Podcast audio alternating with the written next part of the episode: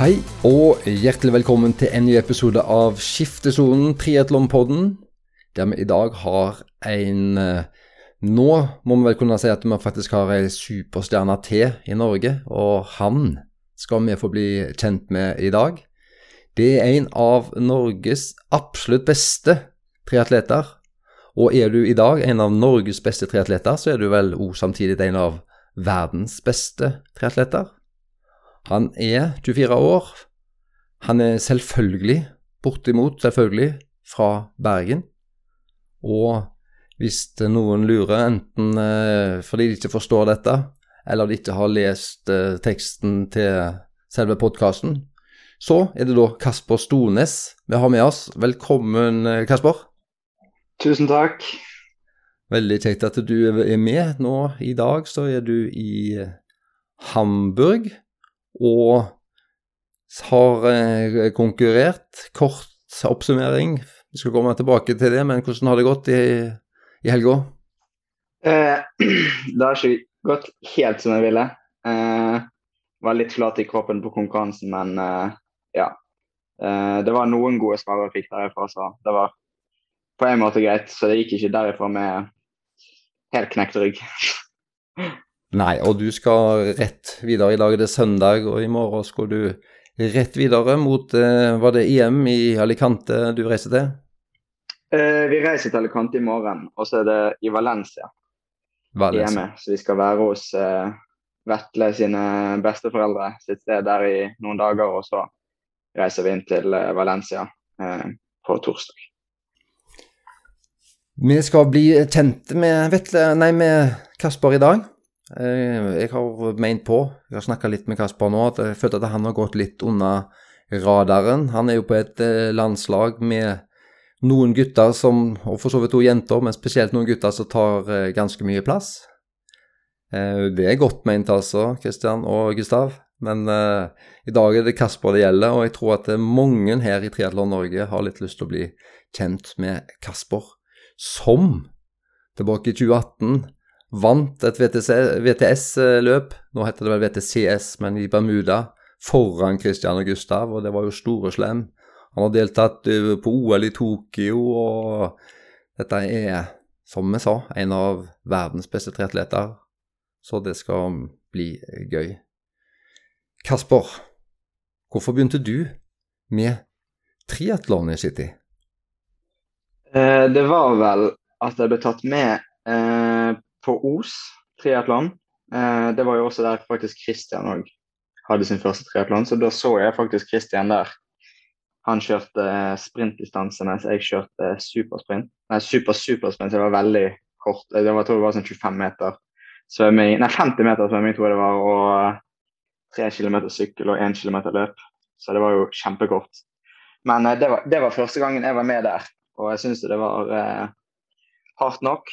Og så ga det egentlig bare litt mer mersmak. Og så var jeg med på samling i 2011 i Oslo, der de hadde, der de, hadde de der klassiske 700, nei, 800-meterstestene og 5 km løpetest. Så, så, etter det så bare ballet det på seg. Så ble det en del konkurranser i Norge, og så ble det leir med landslaget, og så var det plutselig Europacup som junior, og så ja. Ballet egentlig på seg derifra. Nå hørtes det ut som du ble bare supergod sånt uh, umiddelbart. Men uh, så gammel var du ca. når du deltok på denne her i, i Os? Jeg tror jeg var 14.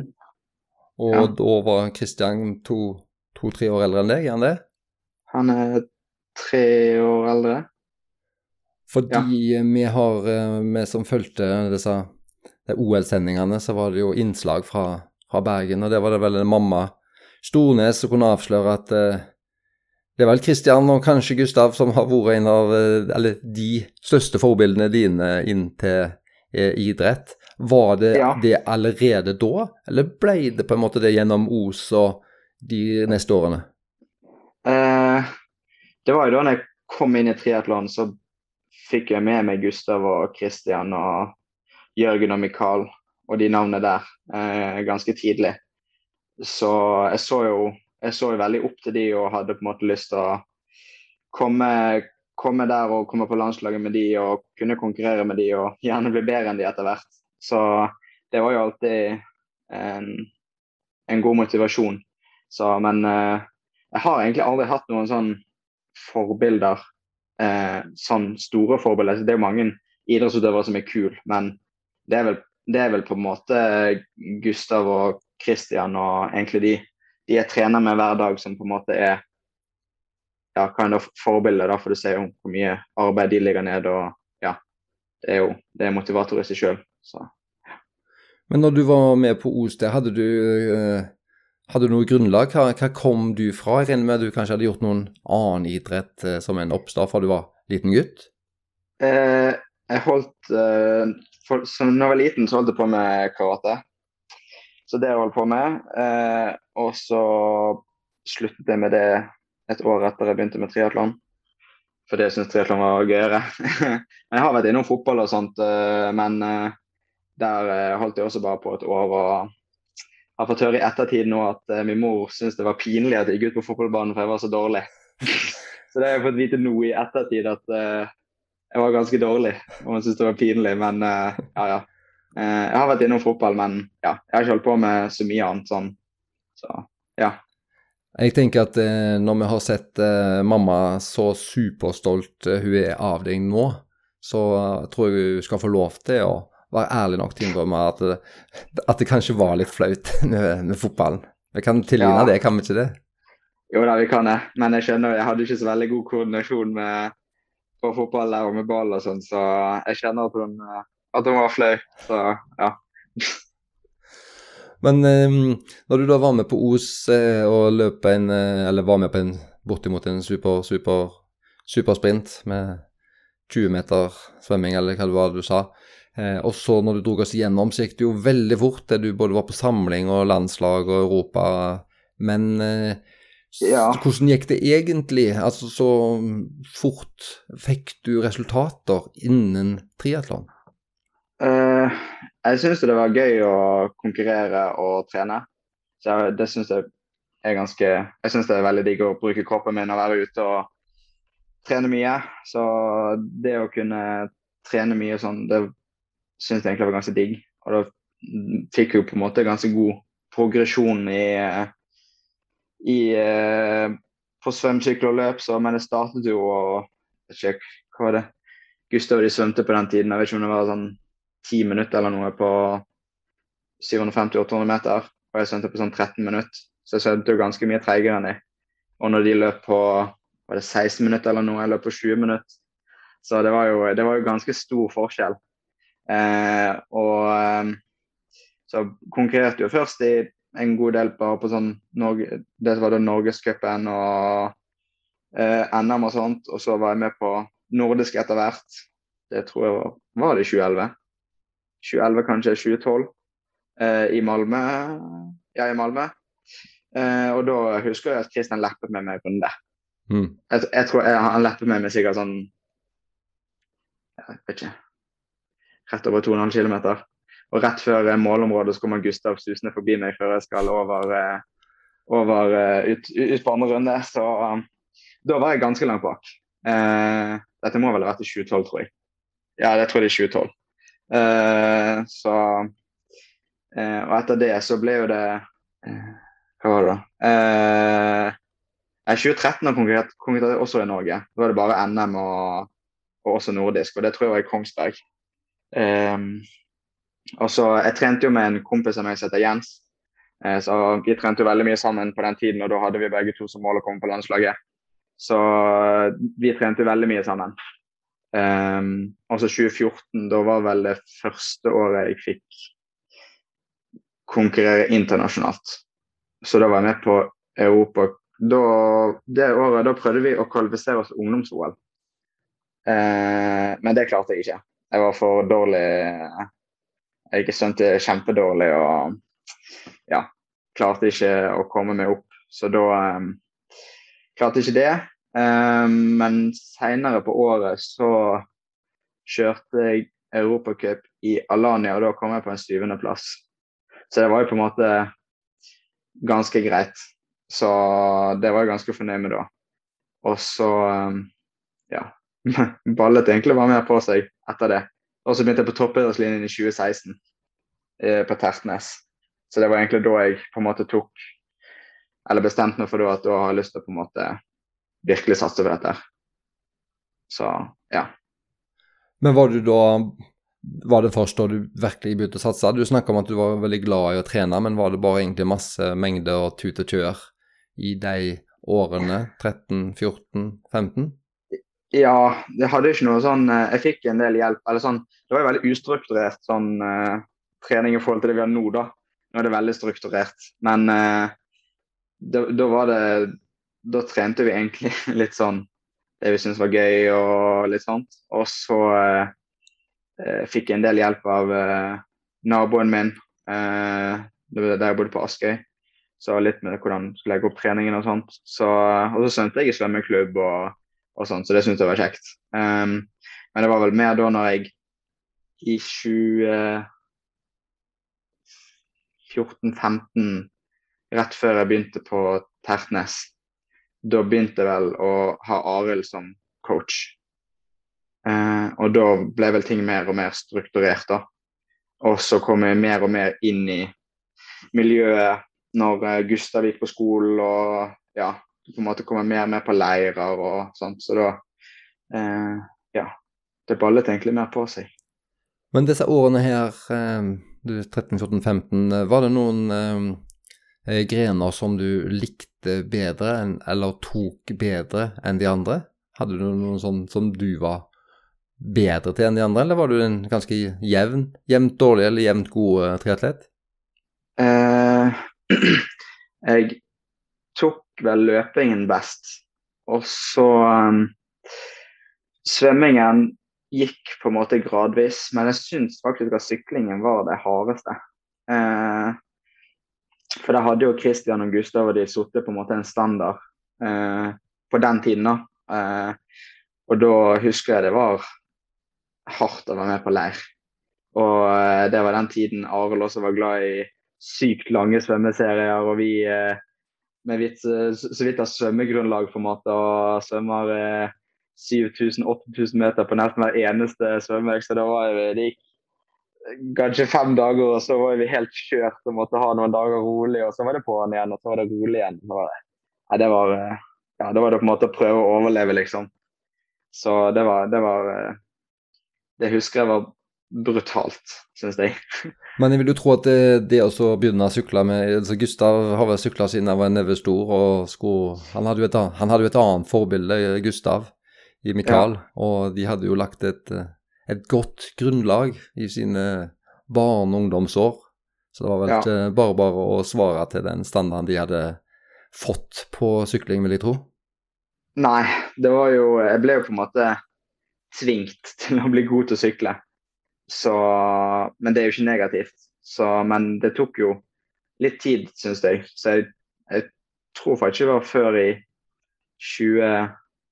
2016-2017 på en måte, Nei, 2017 kanskje jeg begynte på en måte å kjenne meg såpass sterk på sykkel at det var eh, greit å henge med sånn skikkelig. Men eh, ja, det var, det var hardt. Men eh, når skjønte du at det kunne altså Du var jo hardtarbeidende. Når skjønte du at det kunne ligge for deg og Altså det var realistisk at du kunne få gode resultater i triatlon? Du snakket jo om en sjuendeplass i Alanya, eller noe hva du Alanya. sa? Alanya. Eh, det var ja. Europacup, det? Ja, det var junior. Junior, ja. Så ja, jeg har jo på en måte alltid trodd at jeg kan bli eh, en av de beste. Eh, så jeg gjorde jo det faktisk på den tiden bedre på trening enn jeg gjorde i konkurranse. Så det var jo sånn eh, eh, Skulle jo nesten trodd jeg hadde en, eh, en terskelfart og, en, eh, og sånt som var mye lavere enn det jeg presterte, liksom. Eh, men på trening så var det bra, men i konkurranse klarte jeg ikke å få det ut. Så ja. Men det var vel først i 2016, tror jeg det var. Eh, da fikk podiet i eh, en junior-europacup. Det var siste året mitt som junior. Så da, ja um, Klarte jeg på en måte å ta en, en podie der, da. Men uh, jeg ville alltid prestere godt på Hadde lyst til å prestere godt på senior. Så første år som senior, da var jo det ganske hardt. Uh, første seniorkonkurransen min var vel i eh, Cagliari, der Christian vant. Så, men da husker jeg Der var jeg svak, for svak på sykkel til å komme meg opp, så der føk jo Gustav og Christian forbi oppover. Så det tror jeg var Det var vel, det var vel 2016, det. Eh, når Christian var i Rio. Så det var vel det året der. Så eh, ja. Etter det så eh, Den sesongen der så har jeg prøvd på en måte egentlig bare å bli bedre og bedre på sykkel, sånn at ikke det skulle ødelegge så mye for meg sånn i konkurranse. For jeg følte på en måte at det tappet meg mye. Så ja. Men da var det Du er jo helt oppe i 16-17. Eh, du tar grep på sykkel. og Det var vel først da du, du sier at du klarte å begynne egentlig å henge med og kunne sykle med disse Kristian ja. og, og Gustav? Ja, det var vel først da jeg på en måte klarte rundt sånn 2017 å sykle sånn skikkelig med dem. Eh, men jeg syns jo før det synes det bare var hardt å, på intervaller og på rolige turer. Så det var jo det var helt slitsomt, men jeg kom igjennom det. Men eh, sånn i 2018 var det første da jeg på en måte var, følte på en måte skikkelig rustet. Så det var jo det året også gikk i bruddet i Bermuda. Så da eh, tok jeg gode grep, i hvert fall den vinteren der, og ja, gjorde mye rett. Og før vi kom inn på Bermuda, da, var det hadde du noen resultater, enten på trening eller i noen konkurranser, som gjorde at du det, det lå an til at du kunne tro på noe resultat i Bermuda? Hadde du hatt noen resultater eller podiums eller noe på noe nivå der da, før? Um, jeg hadde vel noen sånne glimt i 2017-sesongen, tror jeg. Der jeg på en måte svømte ganske greit, syklet OK hadde en ganske decent løp, men uh, det var aldri de topp-topp-plasseringene. Men den vinteren den vinteren der, så vi, gjorde, vi, vi, vi gjør mye tester med Olav på laben. Og da så vi på en måte den vinteren der at jeg på en måte hadde ganske mye framgang.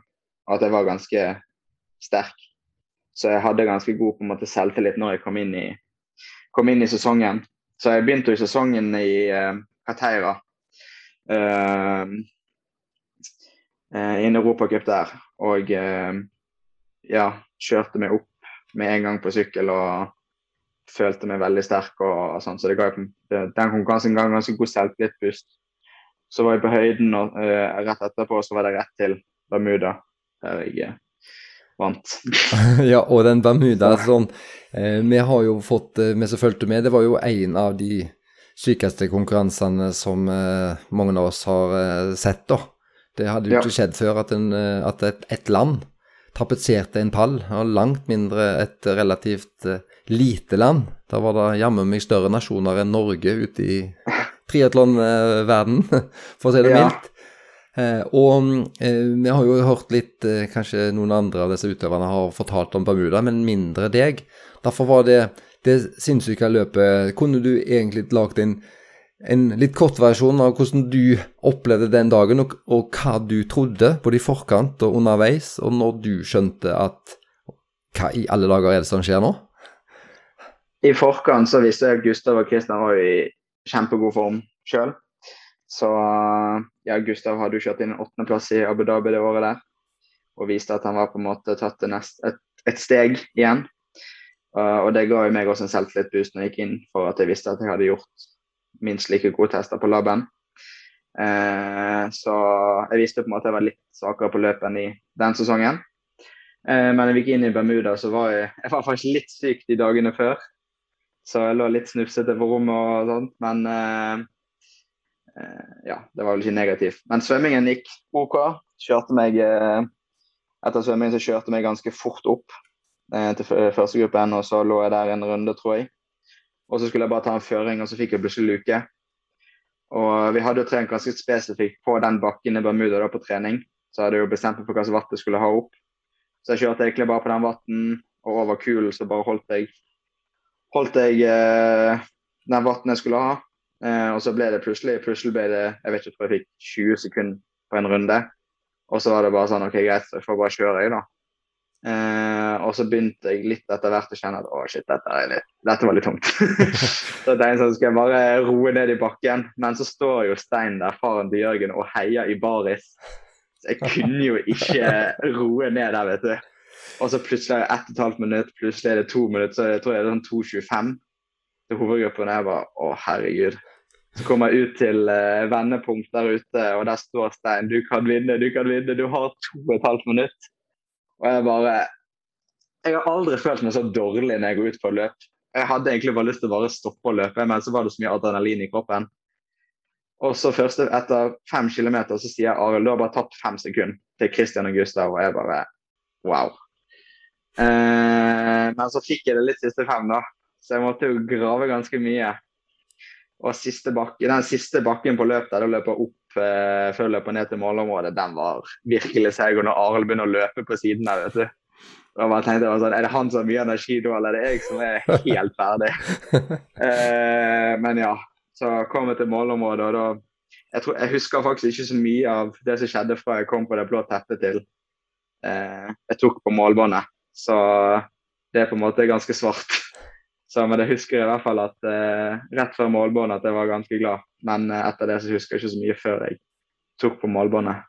Så, ja. så egentlig så var det aldri på noe tidspunkt at du skjønte du kom til å vinne, du? Før du egentlig eh, tok i målbåndet?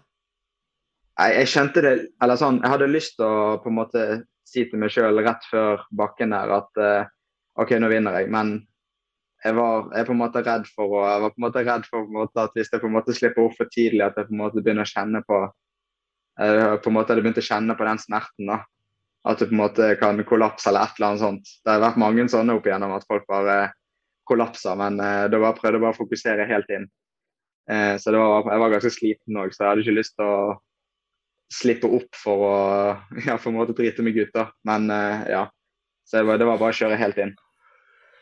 Ja, Det syns jeg var en herlig historie med uh, stein, stein i baris. Det var kanskje grunnen til at du eh, vant. Altså stein i baris i bakken. Så du fikk 20 sekunder, og så økte du på. Og økte på og økte på. ja, ja, han, eh, det var bra der. Han løp det er sånn trapp der midt i bakken der. Ja. Så han løp, løp opp og ned, opp og ned, opp og ned hele syklingen. Så, og han løp opp for meg, og så løper han ned igjen. Og så løper han opp igjen for de andre igjen, og ned igjen. Så har jo løftet den eh, trappen der tror jeg har fått eh, kjørt seg en del ganger den dagen der. Hadde jeg vært VG-journalist nå, så ser jeg for meg at Stein i baris hadde, hadde ja. stått seg eh, ganske godt. Så på en måte Stein i baris er grunnlaget for Kasper Stornes sin første sto, eller gigaresultat, vil jeg nesten si. Ja, det var en god motivator i hvert fall. Så Det å vinne på en måte det VTS der, det er jo noe av det største. Du hadde jo lyst til å vinne noe enda større, det skal vi komme til, men eh, det er jo Og det var jo desidert det største du hadde gjort i, i din karriere.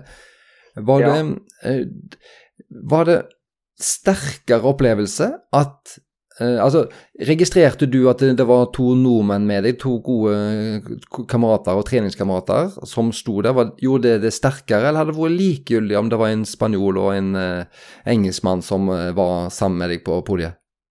Nei, jeg syns det, det, er mye sterkere når Gustav og Kristian er der. Så det er jo eh, det er de jeg trener med hver dag, og vet hvor mye arbeid de legger ned. Så det er liksom det at de jo klarte å være med og ta passerepall, det var jo bare eh, helt sykt. Så eh, det er jo På damesiden har de vel gjort det tidligere, men på herresiden har jo ikke de gjort det. Så det er jo det er jo kult at vi var den første nasjonen til å gjøre det. Så, men jeg vet jo at Kristian ville ha den første seieren der til, eh, til Norge, men uh, ja. Jeg er veldig glad jeg fikk han sjøl. Så. Så. ditt eh, største forbilde ble slått av læregutten? Ja, du kan vel nesten si det sånn. Så ja, jeg har lært mye av Kristian og Gustav, så ja, det var gøy å, var gøy å slå dem den dagen der. Det var, eh, det var godt. Men helt ærlig, opplevde du Følte du et snev av bitterhet fra Kristian, eller var han mest glad på dine vegne? Nei, han var glad på mine vegne. Så eh, jeg, jeg, jeg vet jo at han ville ha han sjøl. Men jeg tror han er mer glad at det var jeg som tok han, enn at det var måler som tok han, f.eks. Så eh, ja. Det er, nok, det er bedre at en nordmann tar det, enn at en, en annen tar det, på en måte. Så, det tror jeg òg. Ja. Du, eh, opplevde du at du ble superstjerne etterpå det i internasjonal triatlon? Fikk du mye oppmerksomhet? Fikk du mer eller mindre enn du trodde? Eh, ble jo mer kjent. Eh, sånn. Eh, jeg fikk jo ikke gå på sykkel like lett lenger. Folk visste på en måte hva jeg kunne gjøre hvis på en måte jeg kom av gårde. da. Så det var jo ikke like lett å komme av gårde i, i brudd og sånt. Og jeg var jo ikke så sterk som Gustav og de eh, på løp på den tiden. Så, på måte, så i 2018 så var jeg på en måte litt mer avhengig av å eh, komme av gårde i et brudd for å kunne gjøre en topplassering. da. Så det gjorde, det gjorde, på en måte også en ting at jeg var nødt til å ta grep på løpingen for å kunne løpe med de beste. Så ja. Det, eh, hva med mm, type Det, var jo det, det, det er jo konkurrentene dine du snakker om nå, med oppmerksomhet, og de ble litt oppmerksom på deg. Men var det sånn eh media, norsk media, internasjonal media, ble de interessert i deg, eller eh, var, fikk, fikk, du i stor grad gå i fred? Uh, ja, det er vel Kristian har jo brøytet banen og på en måte vært kjent i en del år. Så det er jo vanskelig på en måte Eller det er jo sånn Folk vet om deg, men det blir jo mer snakk om om Christian. Så når du hører løpene i ettertid, sånn som det var i, i brudd i Montreal f.eks., så eh, var det liksom eh, kommentatoren sa det var vel Christian som trakk hele på en måte nest, på, Gjorde mesteparten av delen på syklingen, men eh, jeg vil nå si meg han gjorde en, en god 50-50 der, for å si det sånn. Så eh, ja. Han, det er vanskelig å få um, Eller sånn resultatene hans står jo for seg, så det er jo liksom ikke det. Så, men eh, ja. Jeg, litt, jeg, var vel litt i skyggen fortsatt, så ja. Så det var lettere for Christian å få kred enn en eh, Kasper? Eh, ja, men eh, ja. Som sagt, resultatene snakker for seg òg, så Ja ja, men det var du som vant i Bermuda, glem ikke det. Ja da. Nei da. Ja da. Steini Baris hjalp deg, og Arild som plutselig fikk mer krefter enn deg på ja, sida der. Jeg tror ikke han hadde klart det nå, men uh, nå er han begynt å forberede seg til uh, Norsemen, har jeg hørt rykter om, så kanskje Arild uh, kan det, ja. snart løpe med deg igjen, Kasper? Ja, så han, han løper jo en del, så han hadde jo en periode her han løp over 100 km i uken, så da var han, da var han på. Ja. Etter Bermuda, er det noe som du Altså vi har ikke kommet til covid-time eh, ennå, men vi begynner jo å nærme oss. Og det setter jo en god del begrensninger, dessverre, på eh, triatlonlivet. Men var det noe du gjorde eh, rett eller galt etter Bermuda i din eh, videre utvikling? Ja, etter Bermuda så stemte jo på en måte ikke hele sesongen sånn veldig etterpå. Jeg følte meg ganske sliten og sånt, men jeg tror jeg var litt vi var vel litt for hissig på grøten etter Bermuda. Det var Arild ville mye, vi ville mye. Så vi startet jo dagen etter Bermuda med en 15 km løpeøkt og terskel i bassenget, så det sier, det sier jo seg sjøl at det er ikke det smarteste å gjøre. Men eh, og spesielt etter et sånt løp når du på en måte har prestert kanskje over evnen, og og vunnet helt uventet sånn, så er det ikke det smarteste å gå gjøre det meste. Så jeg fant ikke helt flyten igjen resten av sesongen. Eh, kanskje litt mer mot slutten. Så da når vi kjørte i, eh, i Bahrain, når alle gikk under verdensrekorden, så, eh, så fant jeg vel litt mer flyten igjen, så, men ikke helt sånn som på løpingen som jeg ville ha det. Men det var, det var bra nok. Så ja.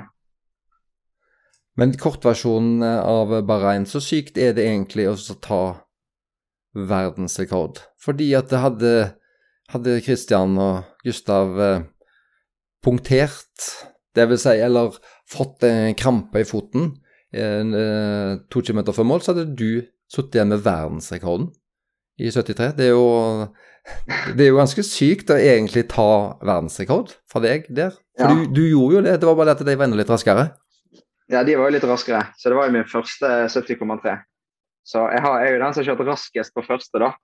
Du kan jo si det sånn, men eh, eh, Ja, det Jeg eh, hadde ganske respekt for distansen etterpå, for jeg gikk ganske på en smell på slutten her, så det var eh, Da gravde jeg dypt altså for å komme til mål. Da, var, eh, da så jeg plutselig 3.30 på kilometeren, 3.40, 3.50, 4 blank, 4.30. Jeg var nå begynner det å gå sakte her.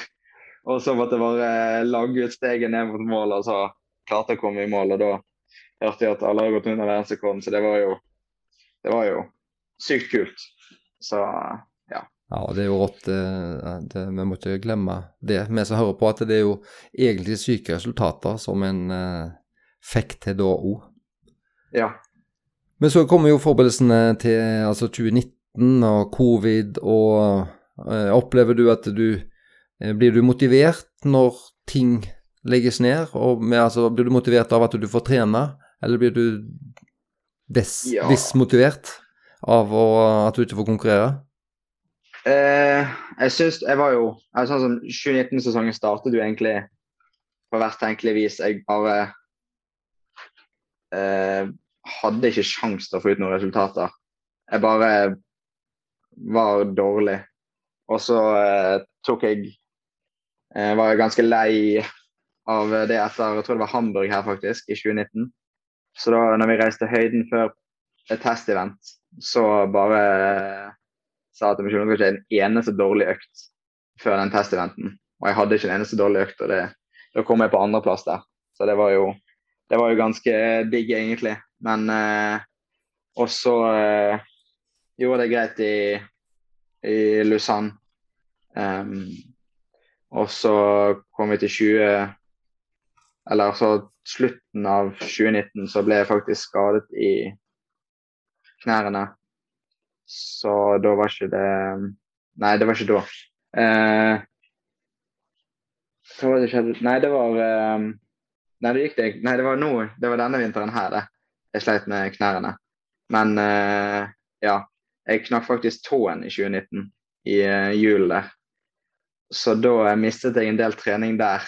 Når jeg eh, knakk tåen. Jeg gjorde denne fitness challenge. så jeg smelte tåen i bakken, eh, og da knakk han. Så da var jo jeg eh, lenge er det ute nå? Er det 16 uker? Nei, 8 uker? 6 uker? Det må jo du vite, men eh, det høres jo Ja, det godt det var, uker. eh, jeg tror det er 6-8 uker.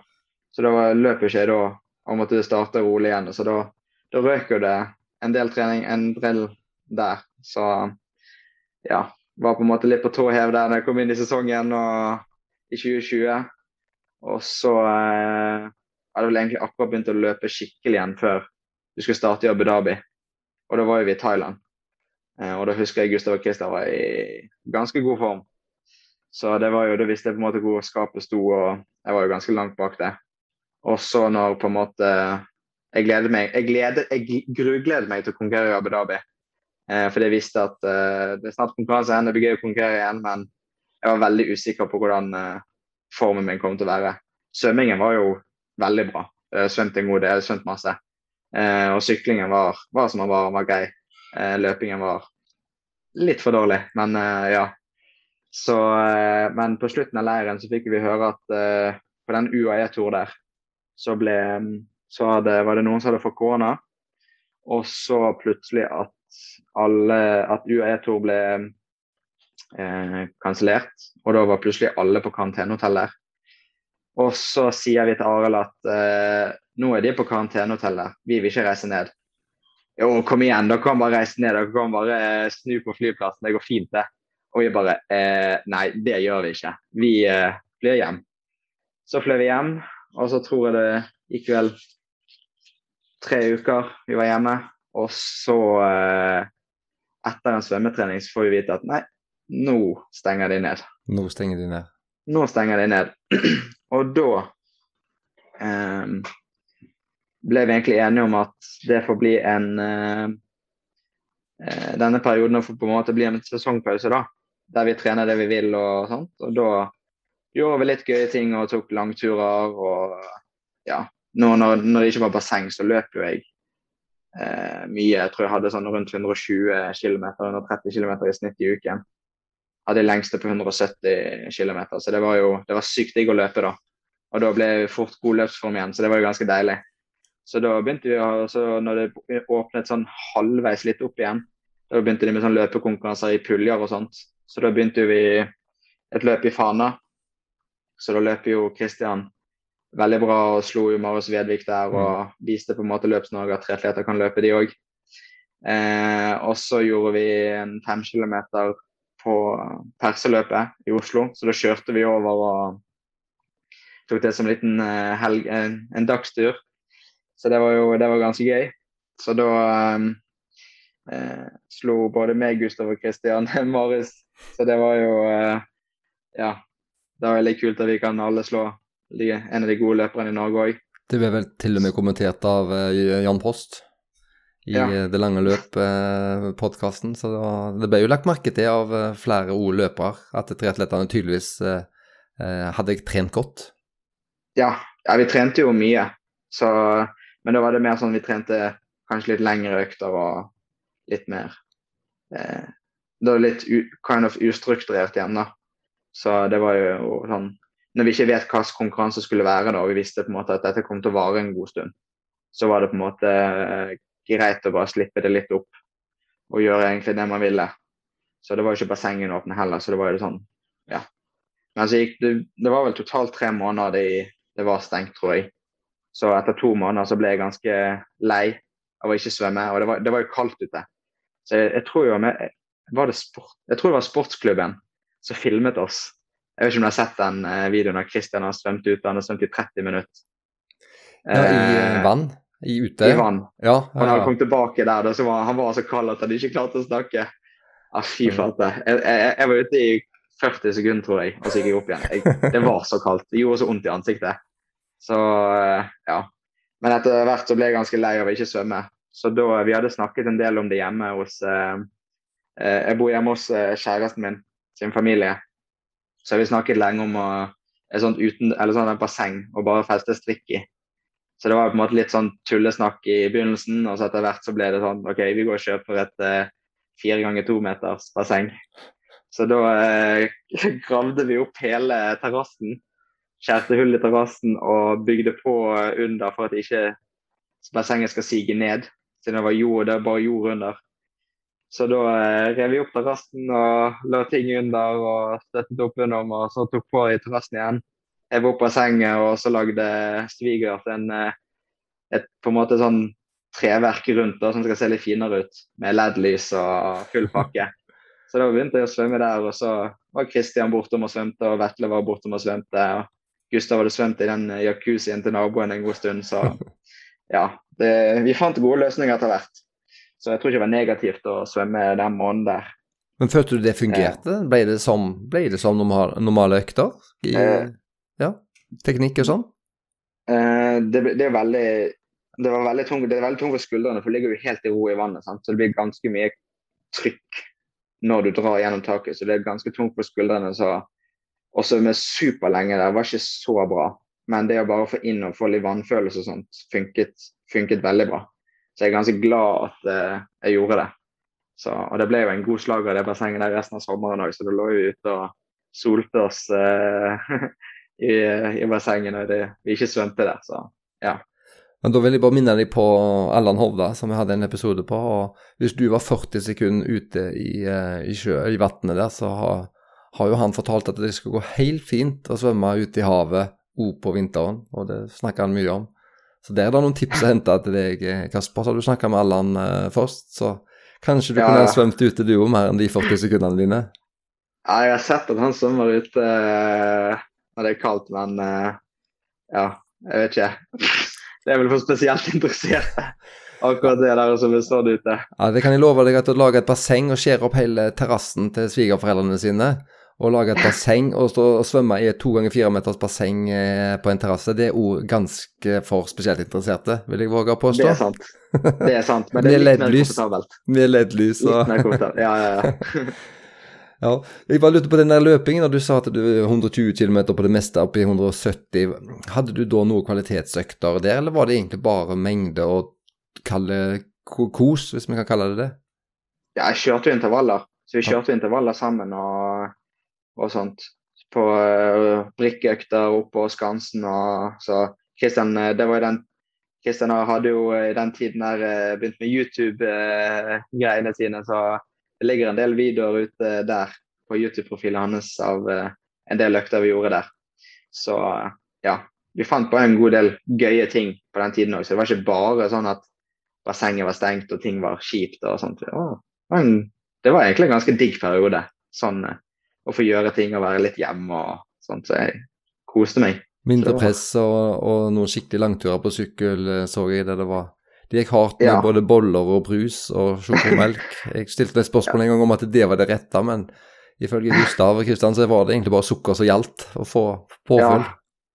Ja, jeg husker det siste stoppet vi hadde på den, den langturen der. Altså. Alle var kvalme etter det siste stoppet der når Gustav hadde chugget ned på en liter sjokomelk.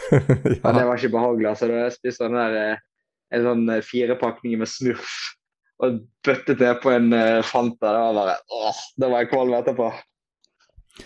Men så begynner en å gå inn for forberedelser til eh, OL, og laget Ja. reiste vel vekk i tidlig, tidlig i januar. Var ikke det rett etter nyttår, mon tro?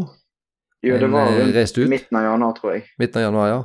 Så da visste vi på en måte ikke hvor lenge vi kom til å bli vekke pga. reiserestriksjoner. Så ja. Og da begynte jo forberedelsene, og eh, du hadde jo Du nevnte jo testeventen din på Du leverte jo en eh, god plassering på testeventen, og du hadde nok eh, Mm. eh, store ambisjoner. Det skal vi høre om. Jeg har hørt du har uttalt deg om så fornøyd eller mindre fornøyd du var.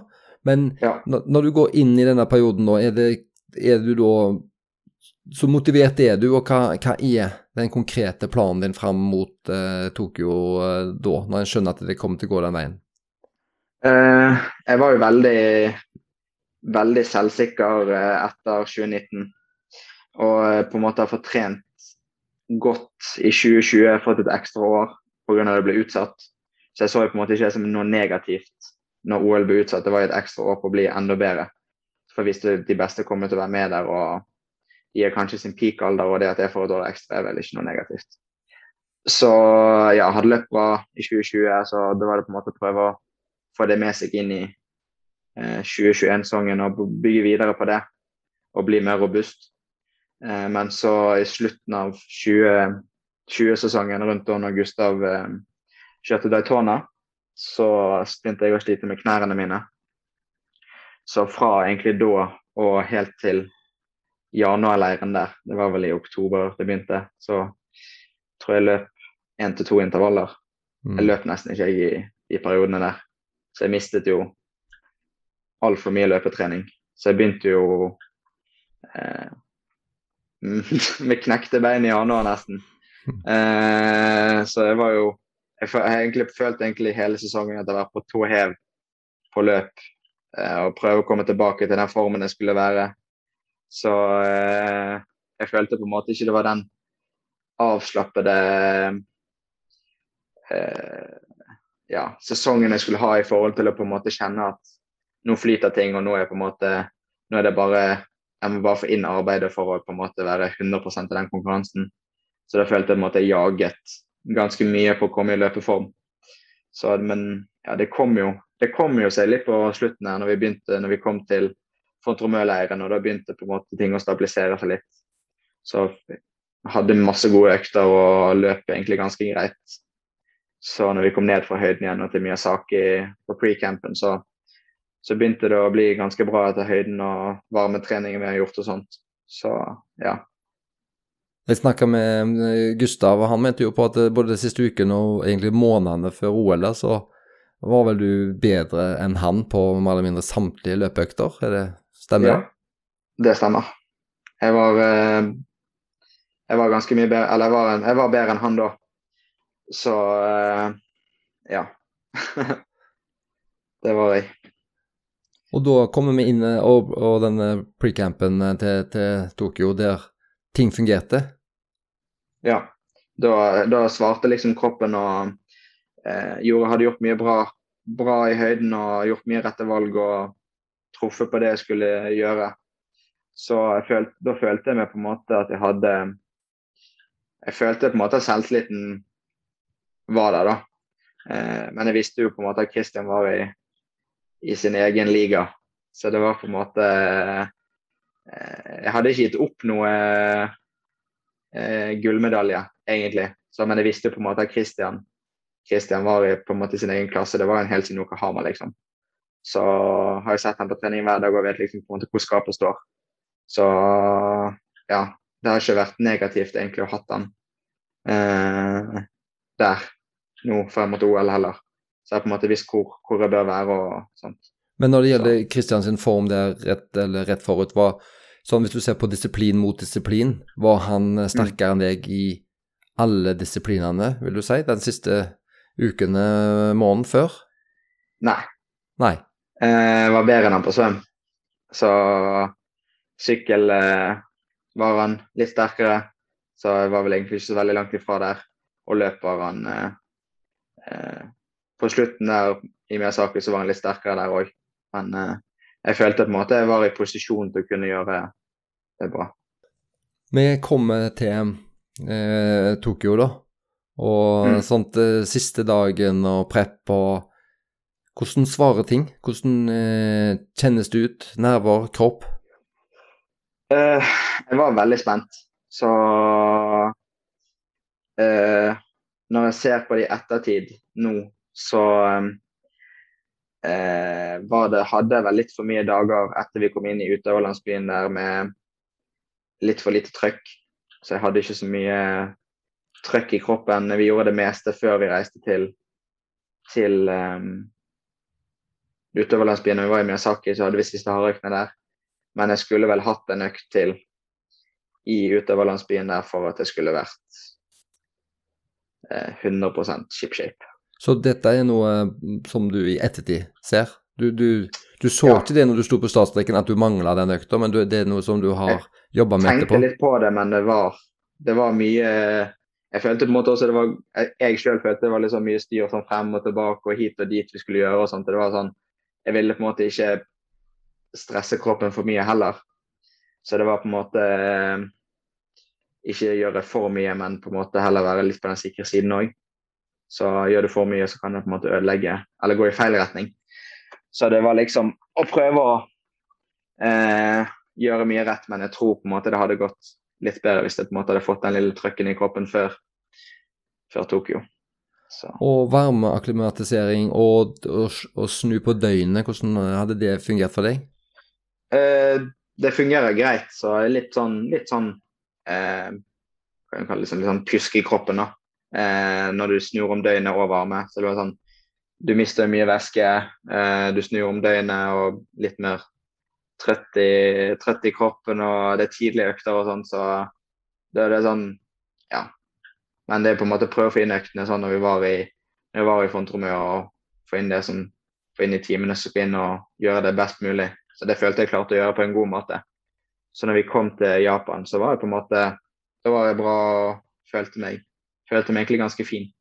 Men eh, det var jo ikke så varmt i Japan der, så um, vi måtte jo eh, eh, rigge opp eh, varmerom og sånt der når vi var i Miyazaki, for det var jo regnperiode der, så det regnet jo og lynte. Og det var jo det var rett og slett Vi gikk med bukse og eh, jakker fordi at eh, vi syntes det på en måte var for kaldt. Det var såpass, ja.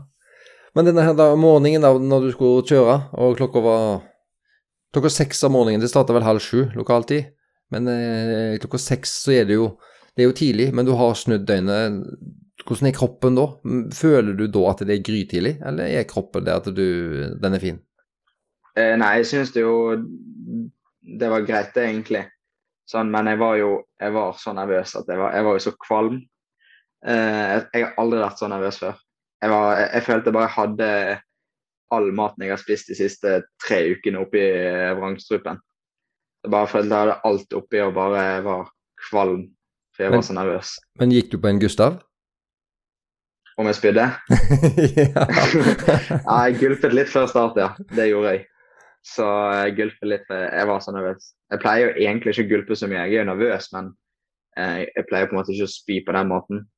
Men eh, det kom litt opp når jeg eh, rett før start der. Så det er jo på en måte verst før startskuddet har gått, men når startskuddet har gått, da er du på en måte da, da er du i gang. Denne mer eller mindre famøse ekstrastarten dere fikk, var det kanskje bare greit for deg da? Og så få en, for du var vel òg ute i denne båten som ikke hadde flytta seg når startskuddet gikk, og, og det ble omstart. Ble det noe negativt for deg, eller var det greit? Nei, jeg syns det egentlig var greit. Jeg fikk jo på en måte en liten sjokkstart i kroppen òg. Så det var jo egentlig på en måte litt OK. Så ja, det var positivt, det. var kroppen eh, Altså når du da begynte å ut på svøm, fikk du de plassene du ville, svarte kroppen? Eh, altså Tenker du at eh, yes på noe øyeblikk underveis? Jeg var faktisk litt usikker på hvor jeg var eh, rundt de første bøyene før jeg begynte å svømme tilbake. Eh, men da jeg kom opp av vannet eh, på første runden, så så jeg på en måte ok, da er jeg ganske greit inni det. Så, eh, så svømte jeg egentlig jeg Følte jeg var ganske greit på andre runden der. Eh, og når jeg kom opp på sykkel, så så jeg på en måte at Gustav og Kristin nei, Gustav og, ja, Gustav og Kristins sykkel var der. Så da visste jeg på en måte jeg var en av de første opp der, og jeg var ganske tett til fronten. Så jeg visste på en måte at de ville kunne komme eh, etter hvert bakover. Men så hørte jeg akkurat eh, når jeg sto med sykkelen min at, eh, at Arild ropte på Christian. Eh, og da visste jeg at Christian var rett bak meg. Så ut på sykkel jobbet vi og Christian sammen for å komme oss opp. Så da kom vi egentlig relativt kjapt opp til, til første gruppen. Eh. Men på dette tidspunktet, har du, har du noen gang tenkt eh, tanken yes i hodet? Altså Kjenner du at eh, yes, kroppen er der, eller det, måtte du jobbe for uh, hvert sekund, følte du? Jeg syns det var Svømmingen var jo bra. Det var ikke noe sånn jeg måtte, følte jeg måtte pushe så hardt for å være med. Syklingen var det var greit trøkk første 20 km. Og så når vi Men da når vi hadde kommet opp, så følte jeg på en måte at det var, det var egentlig ganske komfortabelt å være i gruppen. Så, men jeg følte på en måte ikke Det er vel på en måte ikke en løype som er så lett å gå i brudd hvis det på en måte er en av de kjente utøverne. Så det er ganske vanskelig. så da var det på en måte egentlig bare ligge i gruppen og prøve å spare så mye energi som mulig. og ligge fremme så du ikke må få det trekkspilleffektet. Eh, og inn i skiftesonen så eh, posisjonerte jeg meg ganske bra og var eh, nummer to ut på løp bak han som var i brudd. Så i hovedfeltet så var jeg førstemann ut. Så da tenkte jeg på en måte bare få en eh, få en litt soft start på første, første runden på løp og egentlig bare ligge meg i rygg på de som løp forbi, for alle løper jo så sykt fort første to kilometerne jeg bare nei takk, det har jeg ikke lyst til å utsette meg sjøl for. Men på dette tidspunktet, det gikk jo veldig fort. Men kjennes det greit ut da? Eller skjønner du at dette kommer ikke til å holde inn? Hvordan er følelsen da? Eh, jeg eh, følte meg ikke bra når jeg gikk ut på løp. Jeg følte meg rett og slett skikkelig drit. Så jeg var bare, jeg bare Ja, jeg måtte virkelig fokusere for å eh, være med der. Men så var det sånn eh, Når du når jeg på en måte er der i settingen òg, og det er OL, så var det sånn Selv om jeg følte meg At jeg ikke følte meg bra, så var det sånn OK, nå må du faktisk bare ta det sammen og prøve å prøve i det minste. Og går ikke det, så det går ikke, da må du bare krige inn. Eh, og så føltes det så var det, litt, det var mye opp og ned i gruppen fordi folk begynte plutselig å slippe. Og jeg lå jo jeg lå jo med på halen for å prøve å spare litt energi, men jeg var jo kanskje litt dum som gjorde det. Så eh, da mista plutselig folk som gruppen som jeg vet på en måte hadde hengt med mye lengre. Eh, og da med tette i de lukene, det ble altfor mange sånne luker opp og ned. Og det fikk jeg eh, blø for skikkelig ut på etter sånn ca. 7 km.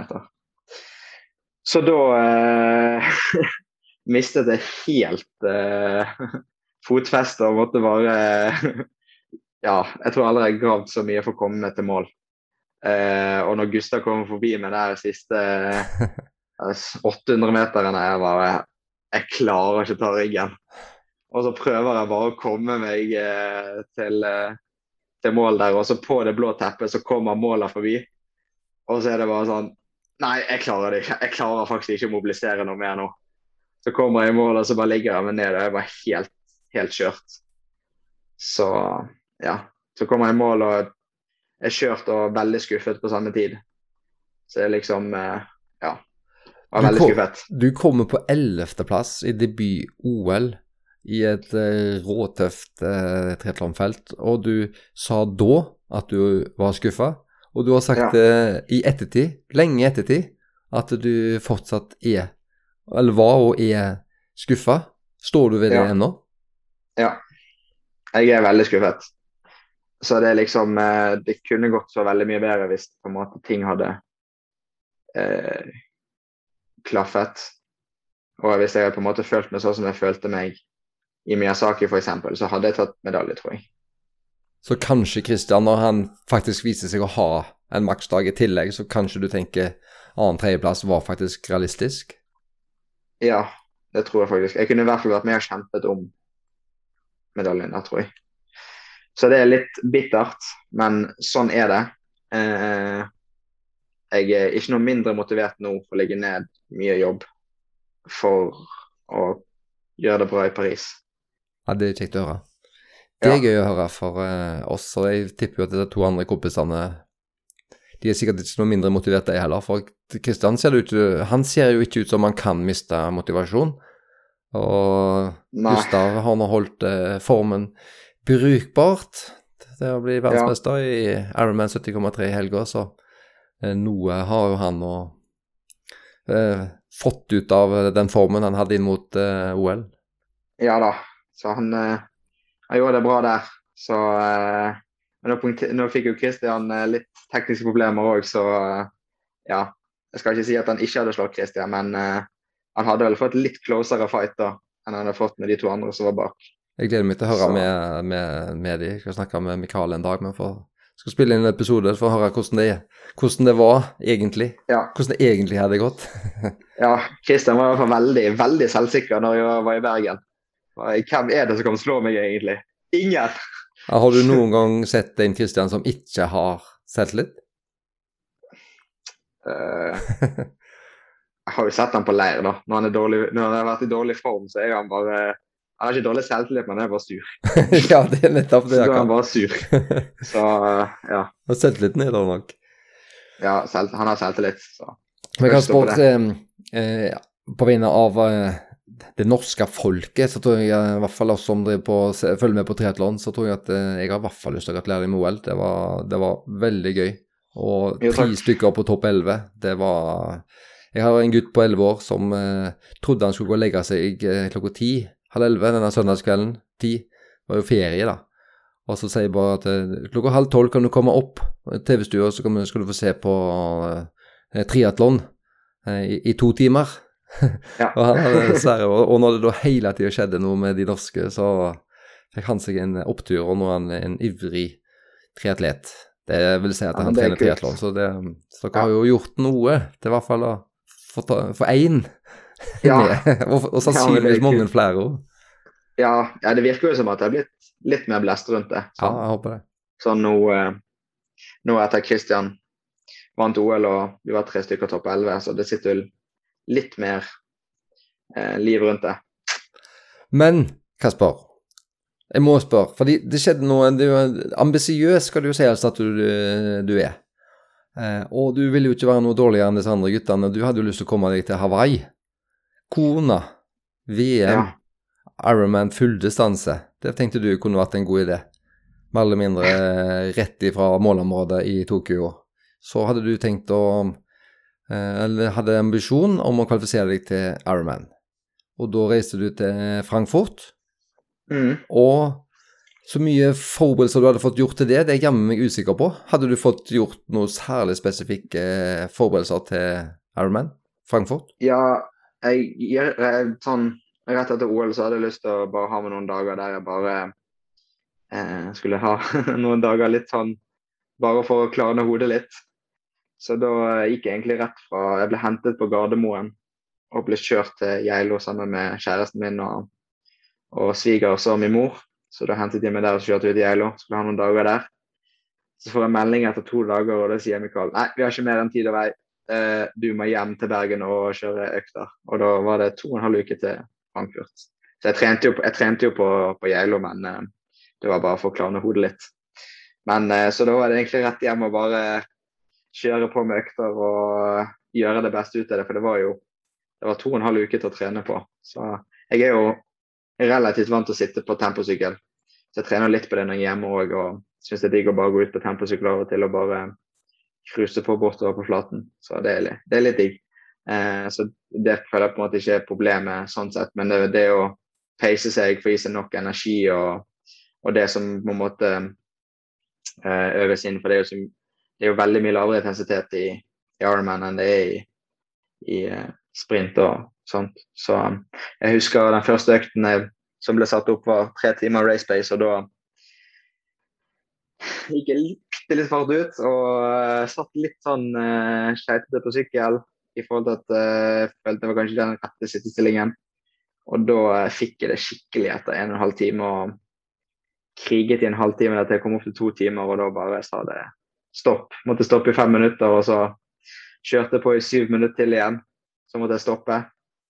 Og da, for da var jeg så jeg var så tom at jeg begynte å sjangle med sykkel. Og jeg begynte på en måte å måtte riste på hodet fordi det ble, ble sånn svimmel. Så jeg måtte stoppe i fem minutter til, og så begynte jeg å sykle igjen. Men det var bare, til og med nedoverbakkene så var det helt forferdelig. Og da eh, måtte jeg ringe til eh, Da ringte jeg til kjæresten min og spurte om hun kunne hente meg ute på, eh, på Nordhordland uh, utenfor Bergen. Og så sa jeg at du måtte med den pizzaen som står i kjøleskapet, for jeg er så tom. Så ja, det, det var faktisk brutalt. Og dette, da, var, og dette, var, i den perioden der eh, de to halve ukene mellom Geilo Ja. egentlig og, og Frankfurt uh, i grunn? Ja. Ja. ja. Så da uh, Og Men det, eh, det stressa du ikke med? Nei, jeg, jeg følte på en måte at det var jo bare Det, var jo, det er jo en økt som Det er jo en helt ny distanse på en måte du skal trene på. Så det var på en måte Jeg fikk jo på en måte én greie økt av det. Eh, og så eh, på en måte vet du hva du skal gjøre til neste økt igjen. Så det er på en måte du gjør ikke den samme feil igjen. Så da eh, var det på en måte å ikke bli for ivrig òg. For det føles jo så lett den første en og en halv timen der, og så plutselig kommer det. Så jeg lærte jo også at uh, du får på en måte den tomhetsfølelsen i magen òg, at eh, det hjelper ikke bare å drikke sportsdrikk og spise gel. Så da fant jeg ut at uh, sånne krokodiller du, har, du kjøper i smågodtdisken, det, det er topp for det der. Så da, det brukte jeg på økta fremover og syns det funker bra for mettelsesfølelsen i magen og sånt. Og det brukte jeg i Frankfurt. Tok jeg to sånne poser inn i drakten min og satt og goflet på det i Frankfurt.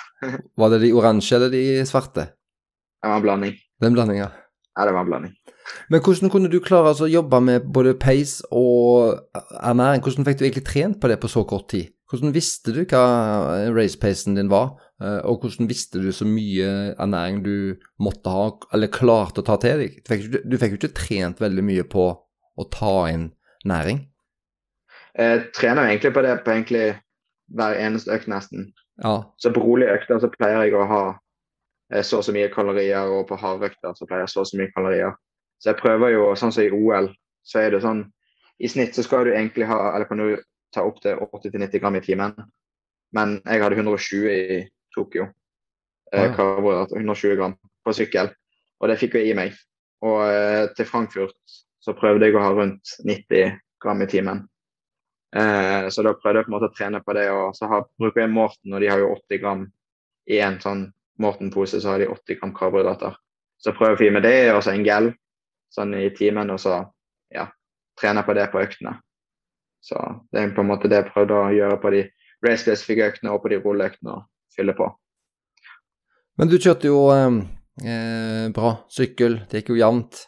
Det var vel en som stakk og fikk seg en eh, Han som allerede var kvalifisert til kona, han eh, stakk jo, og han hadde ikke så mye å være redd for. Eh, så var det dere som kjempa om de, om de slottene, de resterende, som, eh, som kjempa. Og det Ja. så jo eh, lovende ut for oss som fulgte med, og så gikk det på en kjempesmell. Jeg satt og så på sendingen sammen med Mikael. Og han hadde Ja. en telefonkontakt, så det er mulig at jeg fikk høre noe om hva som skjedde. Men eh, jeg har ikke lest så mye om dette på. Hva skjedde egentlig med, under Ironman? For det gikk jo ikke. Du fikk jo ingen slått. Nei, jeg gjorde ikke det. Um, svømmingen var egentlig ganske lett, så jeg har på en måte sagt, lagt en plan at det er ikke jeg som skal ta opp tempoet der i forhold til uh, at jeg skal bare på en måte bare ha det billigst mulig. Så det var jo noen OK svømmere der. Så jeg bare lå meg egentlig bare i beina og bare cruiste. Og følte egentlig på en måte sånn at det var rolig. Men uh, ja, det var egentlig ganske greit. Uh, og så ut på sykkel, så um, etter ca. 10 km så popper ene, så treffer jeg et lite hull, så hiver jeg den ene flasken og popper ut av. Så da mister jeg én time med næring der. Og så eh, når jeg kommer på brosteinspartiet, eh, så rett over toppen der, så når jeg kommer ned på flaten, så skal jeg ha med litt drikke. Så kjenner jeg bak, og da kjenner jeg ingenting. Så ser jeg mellom beina mine bak på setepinnen, og der ser jeg at eh, hele ernæringsfestet henger og dingler. Og bare nei. Det var to timer med ernæring rett ut vinduet, det.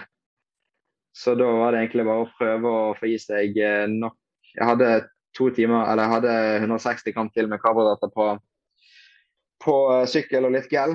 Så jeg håpte det skulle holde. Eh, og tok egentlig så mye drikker som jeg kunne på vannstasjonene, men i flaskene jeg serverer med cola, der er ikke mye cola for å si det sånn. Det er litt cola og resten med vann.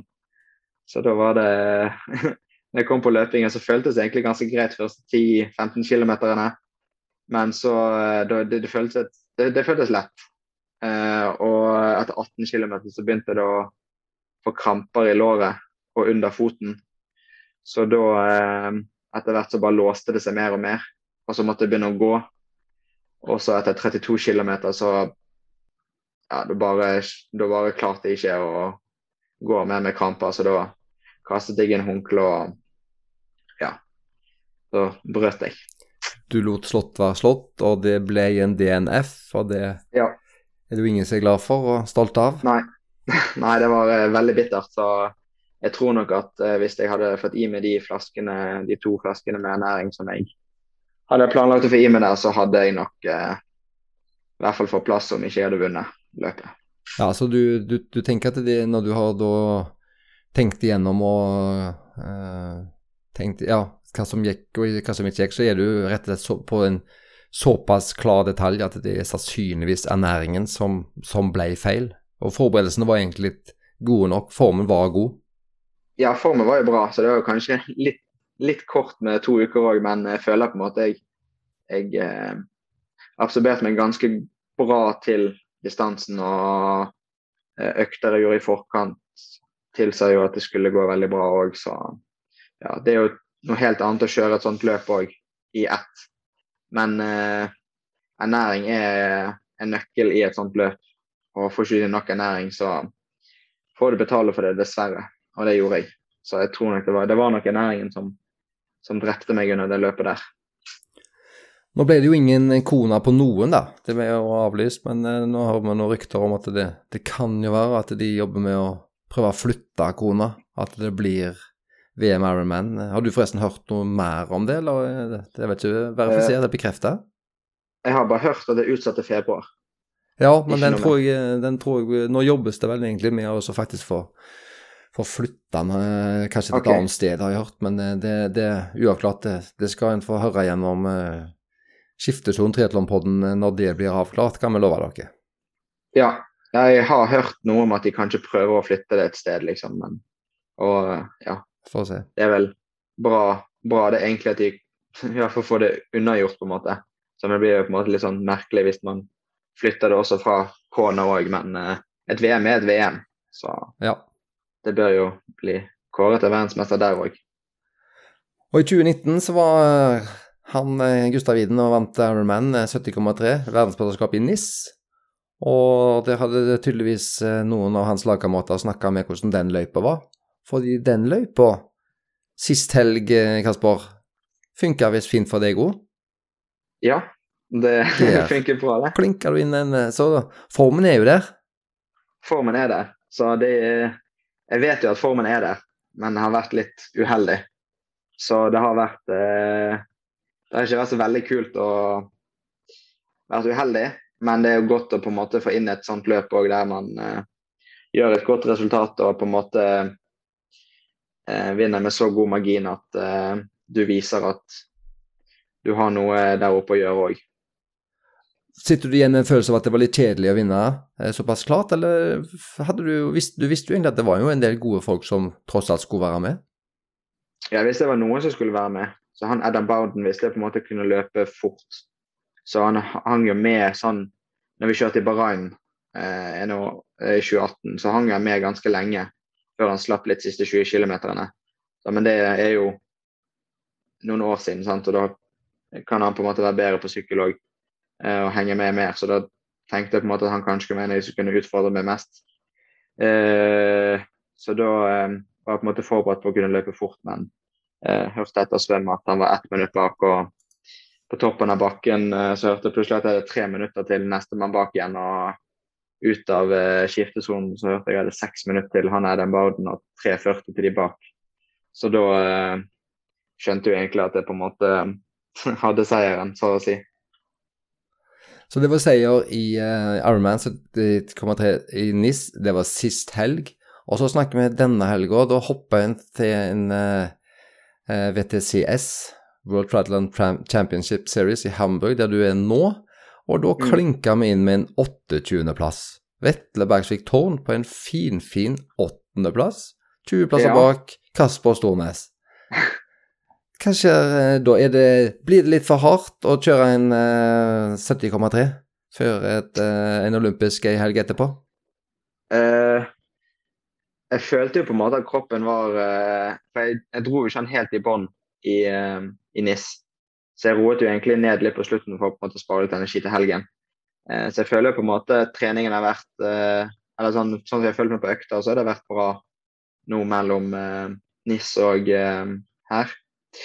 Eh, men når vi startet eh, på løpet i går, så jeg følte meg bare helt sånn Jeg hadde ikke Jeg hadde ett gir å gå på på svøm. Eh, og ut, av, eh, ut på sykkel så trykte jeg ganske bra på første, første tre-fire rundene. Og så eh, er det ingen Så sitter det bare folk på hjulet og ikke er med og hjelper i det hele tatt. Og prøver å få litt hjelp, men de går jo ikke forbi. Så da Og når gruppene foran jobber ganske godt sammen, så er jo det på en måte Det er jo nesten en dødfødt posisjon å sitte i når du må trekke på syv-åtte folk som ikke gidder å gjøre noe. Så det var jo bare veldig frustrerende. Ikke få noe hjelp og kunne prøve å komme seg opp, men uh, ja. Men jeg kommer ut på løpingen, så følte når jeg hoppet av sykkel, så følte jeg bare Hvilket bein er dette her for noe? Dette er ikke til å kjenne igjen i det hele tatt. Så da følte jeg meg helt forferdelig. Men uh, når jeg kom ut på løp og bare eh, følte på en måte jeg hadde bra frekvens og løp relativt fort. Og så ser jeg på en måte på passeringene ut på andre runde der at jeg har jo ikke tapt noe særlig til de foran og egentlig tatt innpå. Så eh, det ble på en måte en ganske steady løp uten noe spurt på slutten. Så eh, løp vel fire sekunder tregere enn Vetle, og ikke noe spurt i det hele tatt. Så jeg tror at hvis jeg eh, hadde vært der fremme, hadde vært der fremme med de beste, så hadde det vel hengt med og kanskje vært med og kjempet om eh, medalje. Men det er jo som sagt lettere sagt enn gjort. Så det er jo på en måte, det er på en måte tomme ord, men det er på en måte eh, godt å vite òg at uh, uh, har jeg den svømmingen som jeg har hatt tidligere i sesongen, så er jeg der nå og kan være med og kjempe med de, de beste der oppe. Så det er litt små marginer og litt tilfeldigheter? Hvem, hvem som er med å kjøre og sånn?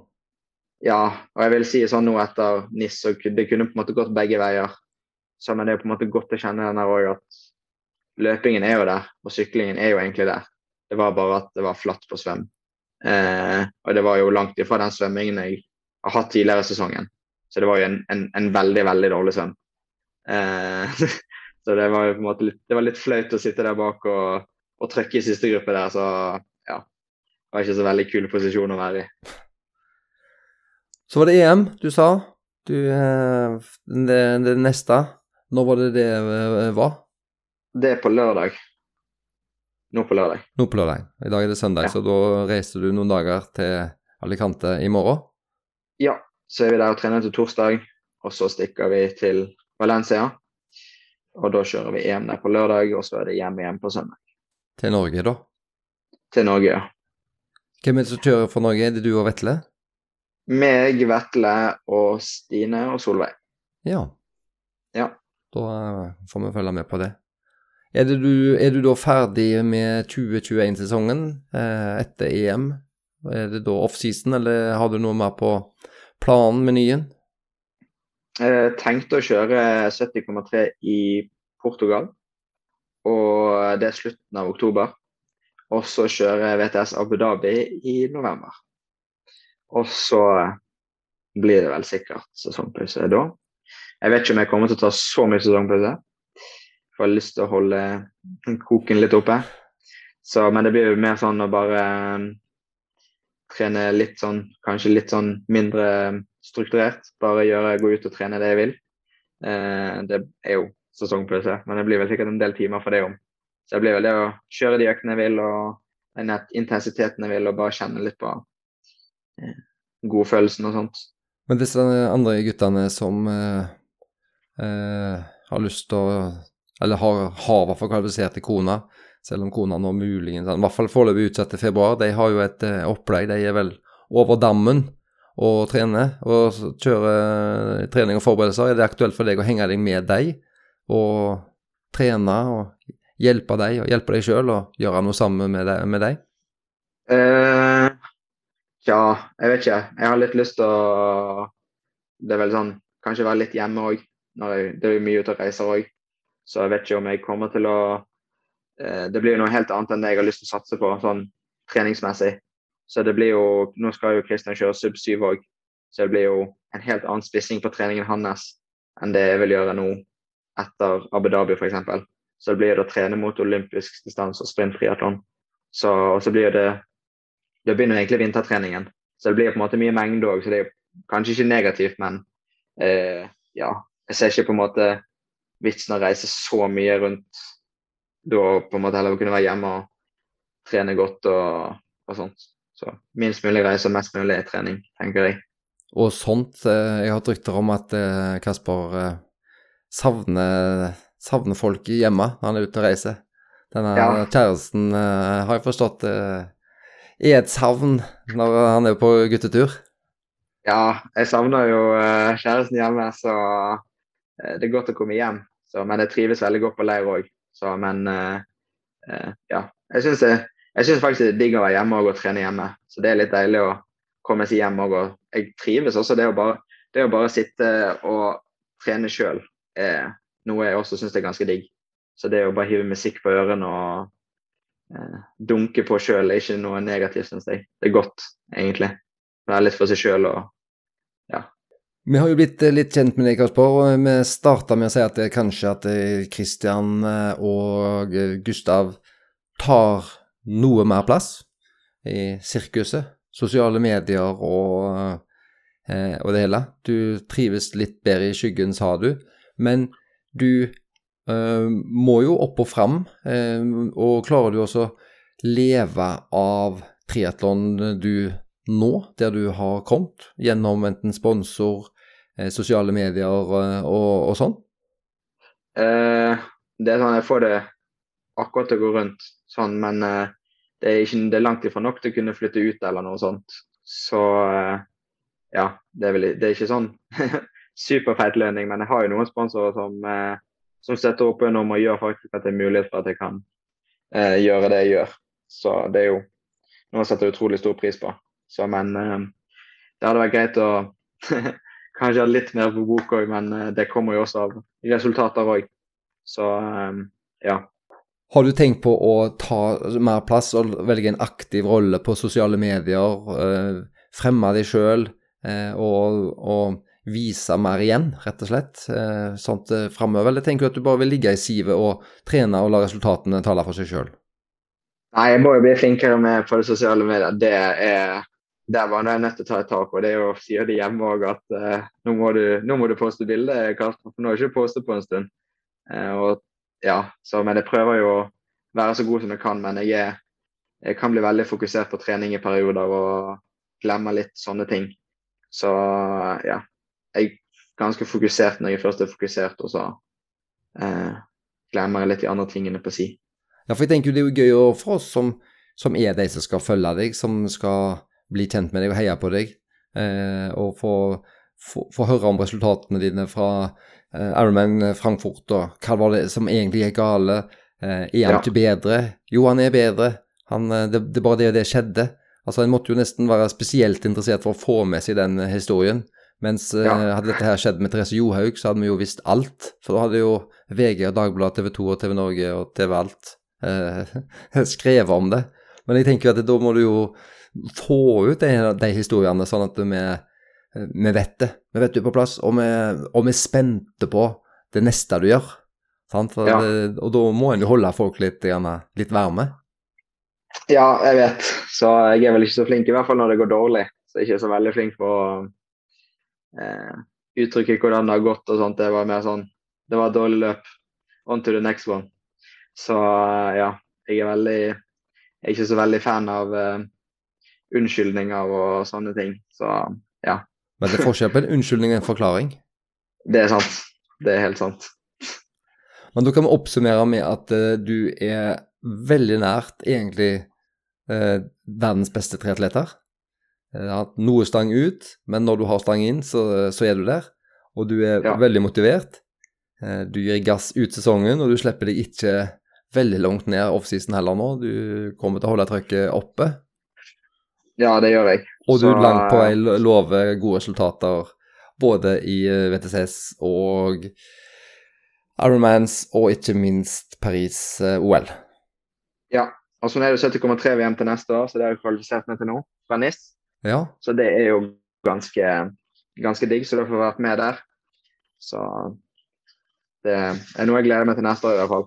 kan vi oppsummere med at eh, vi ikke kommer til å ha en tre ganger verdensmester i 70,3 neste år? Kan vi garantere Det folket det? ikke. Det skjer. Da, eh, da er det Stornes på topp, for å si det sånn. Ja, jeg er ganske sigen på å gjøre det bra der og i sesongene fremover nå. Så ja. Vinteren nå skal ikke ha noen skader i hvert fall.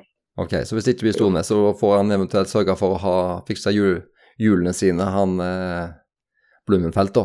Så det var en Ja, hvert da må Fordi, man ha utstyret på plass. ja, for en tre ganger Iden kan bli litt tungt å svelge for dere gutter på landslaget.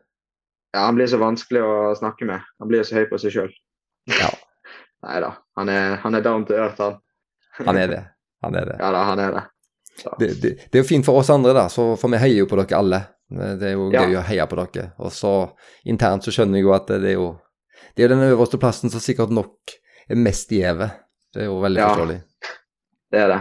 Og så er jo det, så har vi Vetle som er på vei opp nå, så det er jo Når han fikk åttendeplass i helgen nå, så er jo det Det viser jo at det gror i norsk triatlon der òg. Ja, Vetle vel ikke bare på vei opp, han knuste deg vel, egentlig, i helga? Ja, han gjorde jo det. Han gjorde jo det. Men uh, vi får se til neste helg. Men du måtte legge ned et lite men der. Ja, det er men. Det, da er det olympisk distanse, da er det manndomsprøven. Ja, er det sånn at du kan uh, gjøre et lite veddemål med skiftesonen og skiftesonens uh, lyttere uh, om at du kommer til å slå Vetle neste helg? Ja, hva skal veddemålet gå ut på, da? Eh, en veddemål må, si, at du poster noe veldig gøyalt og positivt om skiftesonen, triatlonpodden. Noe som nesten er litt flaut for deg. Eh, sånn eh, at du lager til en gig, altså noe, noe gøyalt litt flaut på dine vegne, som eh, framhever skiftesonen triatlonpodden, dersom Vetle slår deg. Jeg kan prøve på det, ja. Da, må jeg være kreativ. Nå er jeg faktisk Vetle her òg, så eh, vi lager et veddemål. Så du Ja, sitter med airplugger, så han eh, Jeg tror ikke han eh, hører deg. Han- skal han bringe meg ikke, vetle. Jeg skal bringe en vetle på et eller annet tidspunkt ganske snart. da. Eh, sannsynligvis ja, etter det løpet så skal vi få med Mikael og så Thomas en, Tom en prat med han nå, og høre Ja. hvordan det har gått. mm, Kasper, eh, jeg har blitt eh, bedre kjent med deg. Eh, jeg tror at det er veldig mange andre som følger triatlon, har blitt bedre kjent med deg, og som og nå får lyst i enda større grad å, å følge deg, eh, bli kjent med deg, og vi oppfordrer deg til å gi oss litt informasjon, både om hva som går bra, og hva som går dårlig på løp og, og trening. Og vi Ja. har nå tre ca. like gode triatleter i Norge, helt i verdenstoppen, og det er jo dritgøy må være lov å si på godt vestlandsk at eh, å følge dere. Ja, det håper jeg. Så det er jo en veldig bra gjeng. Så, og det blir ikke noe dårligere med årene, for å si det sånn. Så det er en, det er en gjeng som vokser. Det, da heier vi på dere, og vi heier på både forbund eh, og triatlonklubber rundt i landet som nå forhåpentligvis har, har et godt, godt grunnlag med deres eh, suksess til å få rekruttere nye folk. Både rekruttere og ikke minst å beholde de som er rundt i det ganske land. Og det, det, er viktig, det er en viktig jobb for oss som følger sporten og har barn og, og er litt trenere. Så det, vi må la oss motivere dere og si at det, det går an å bli god.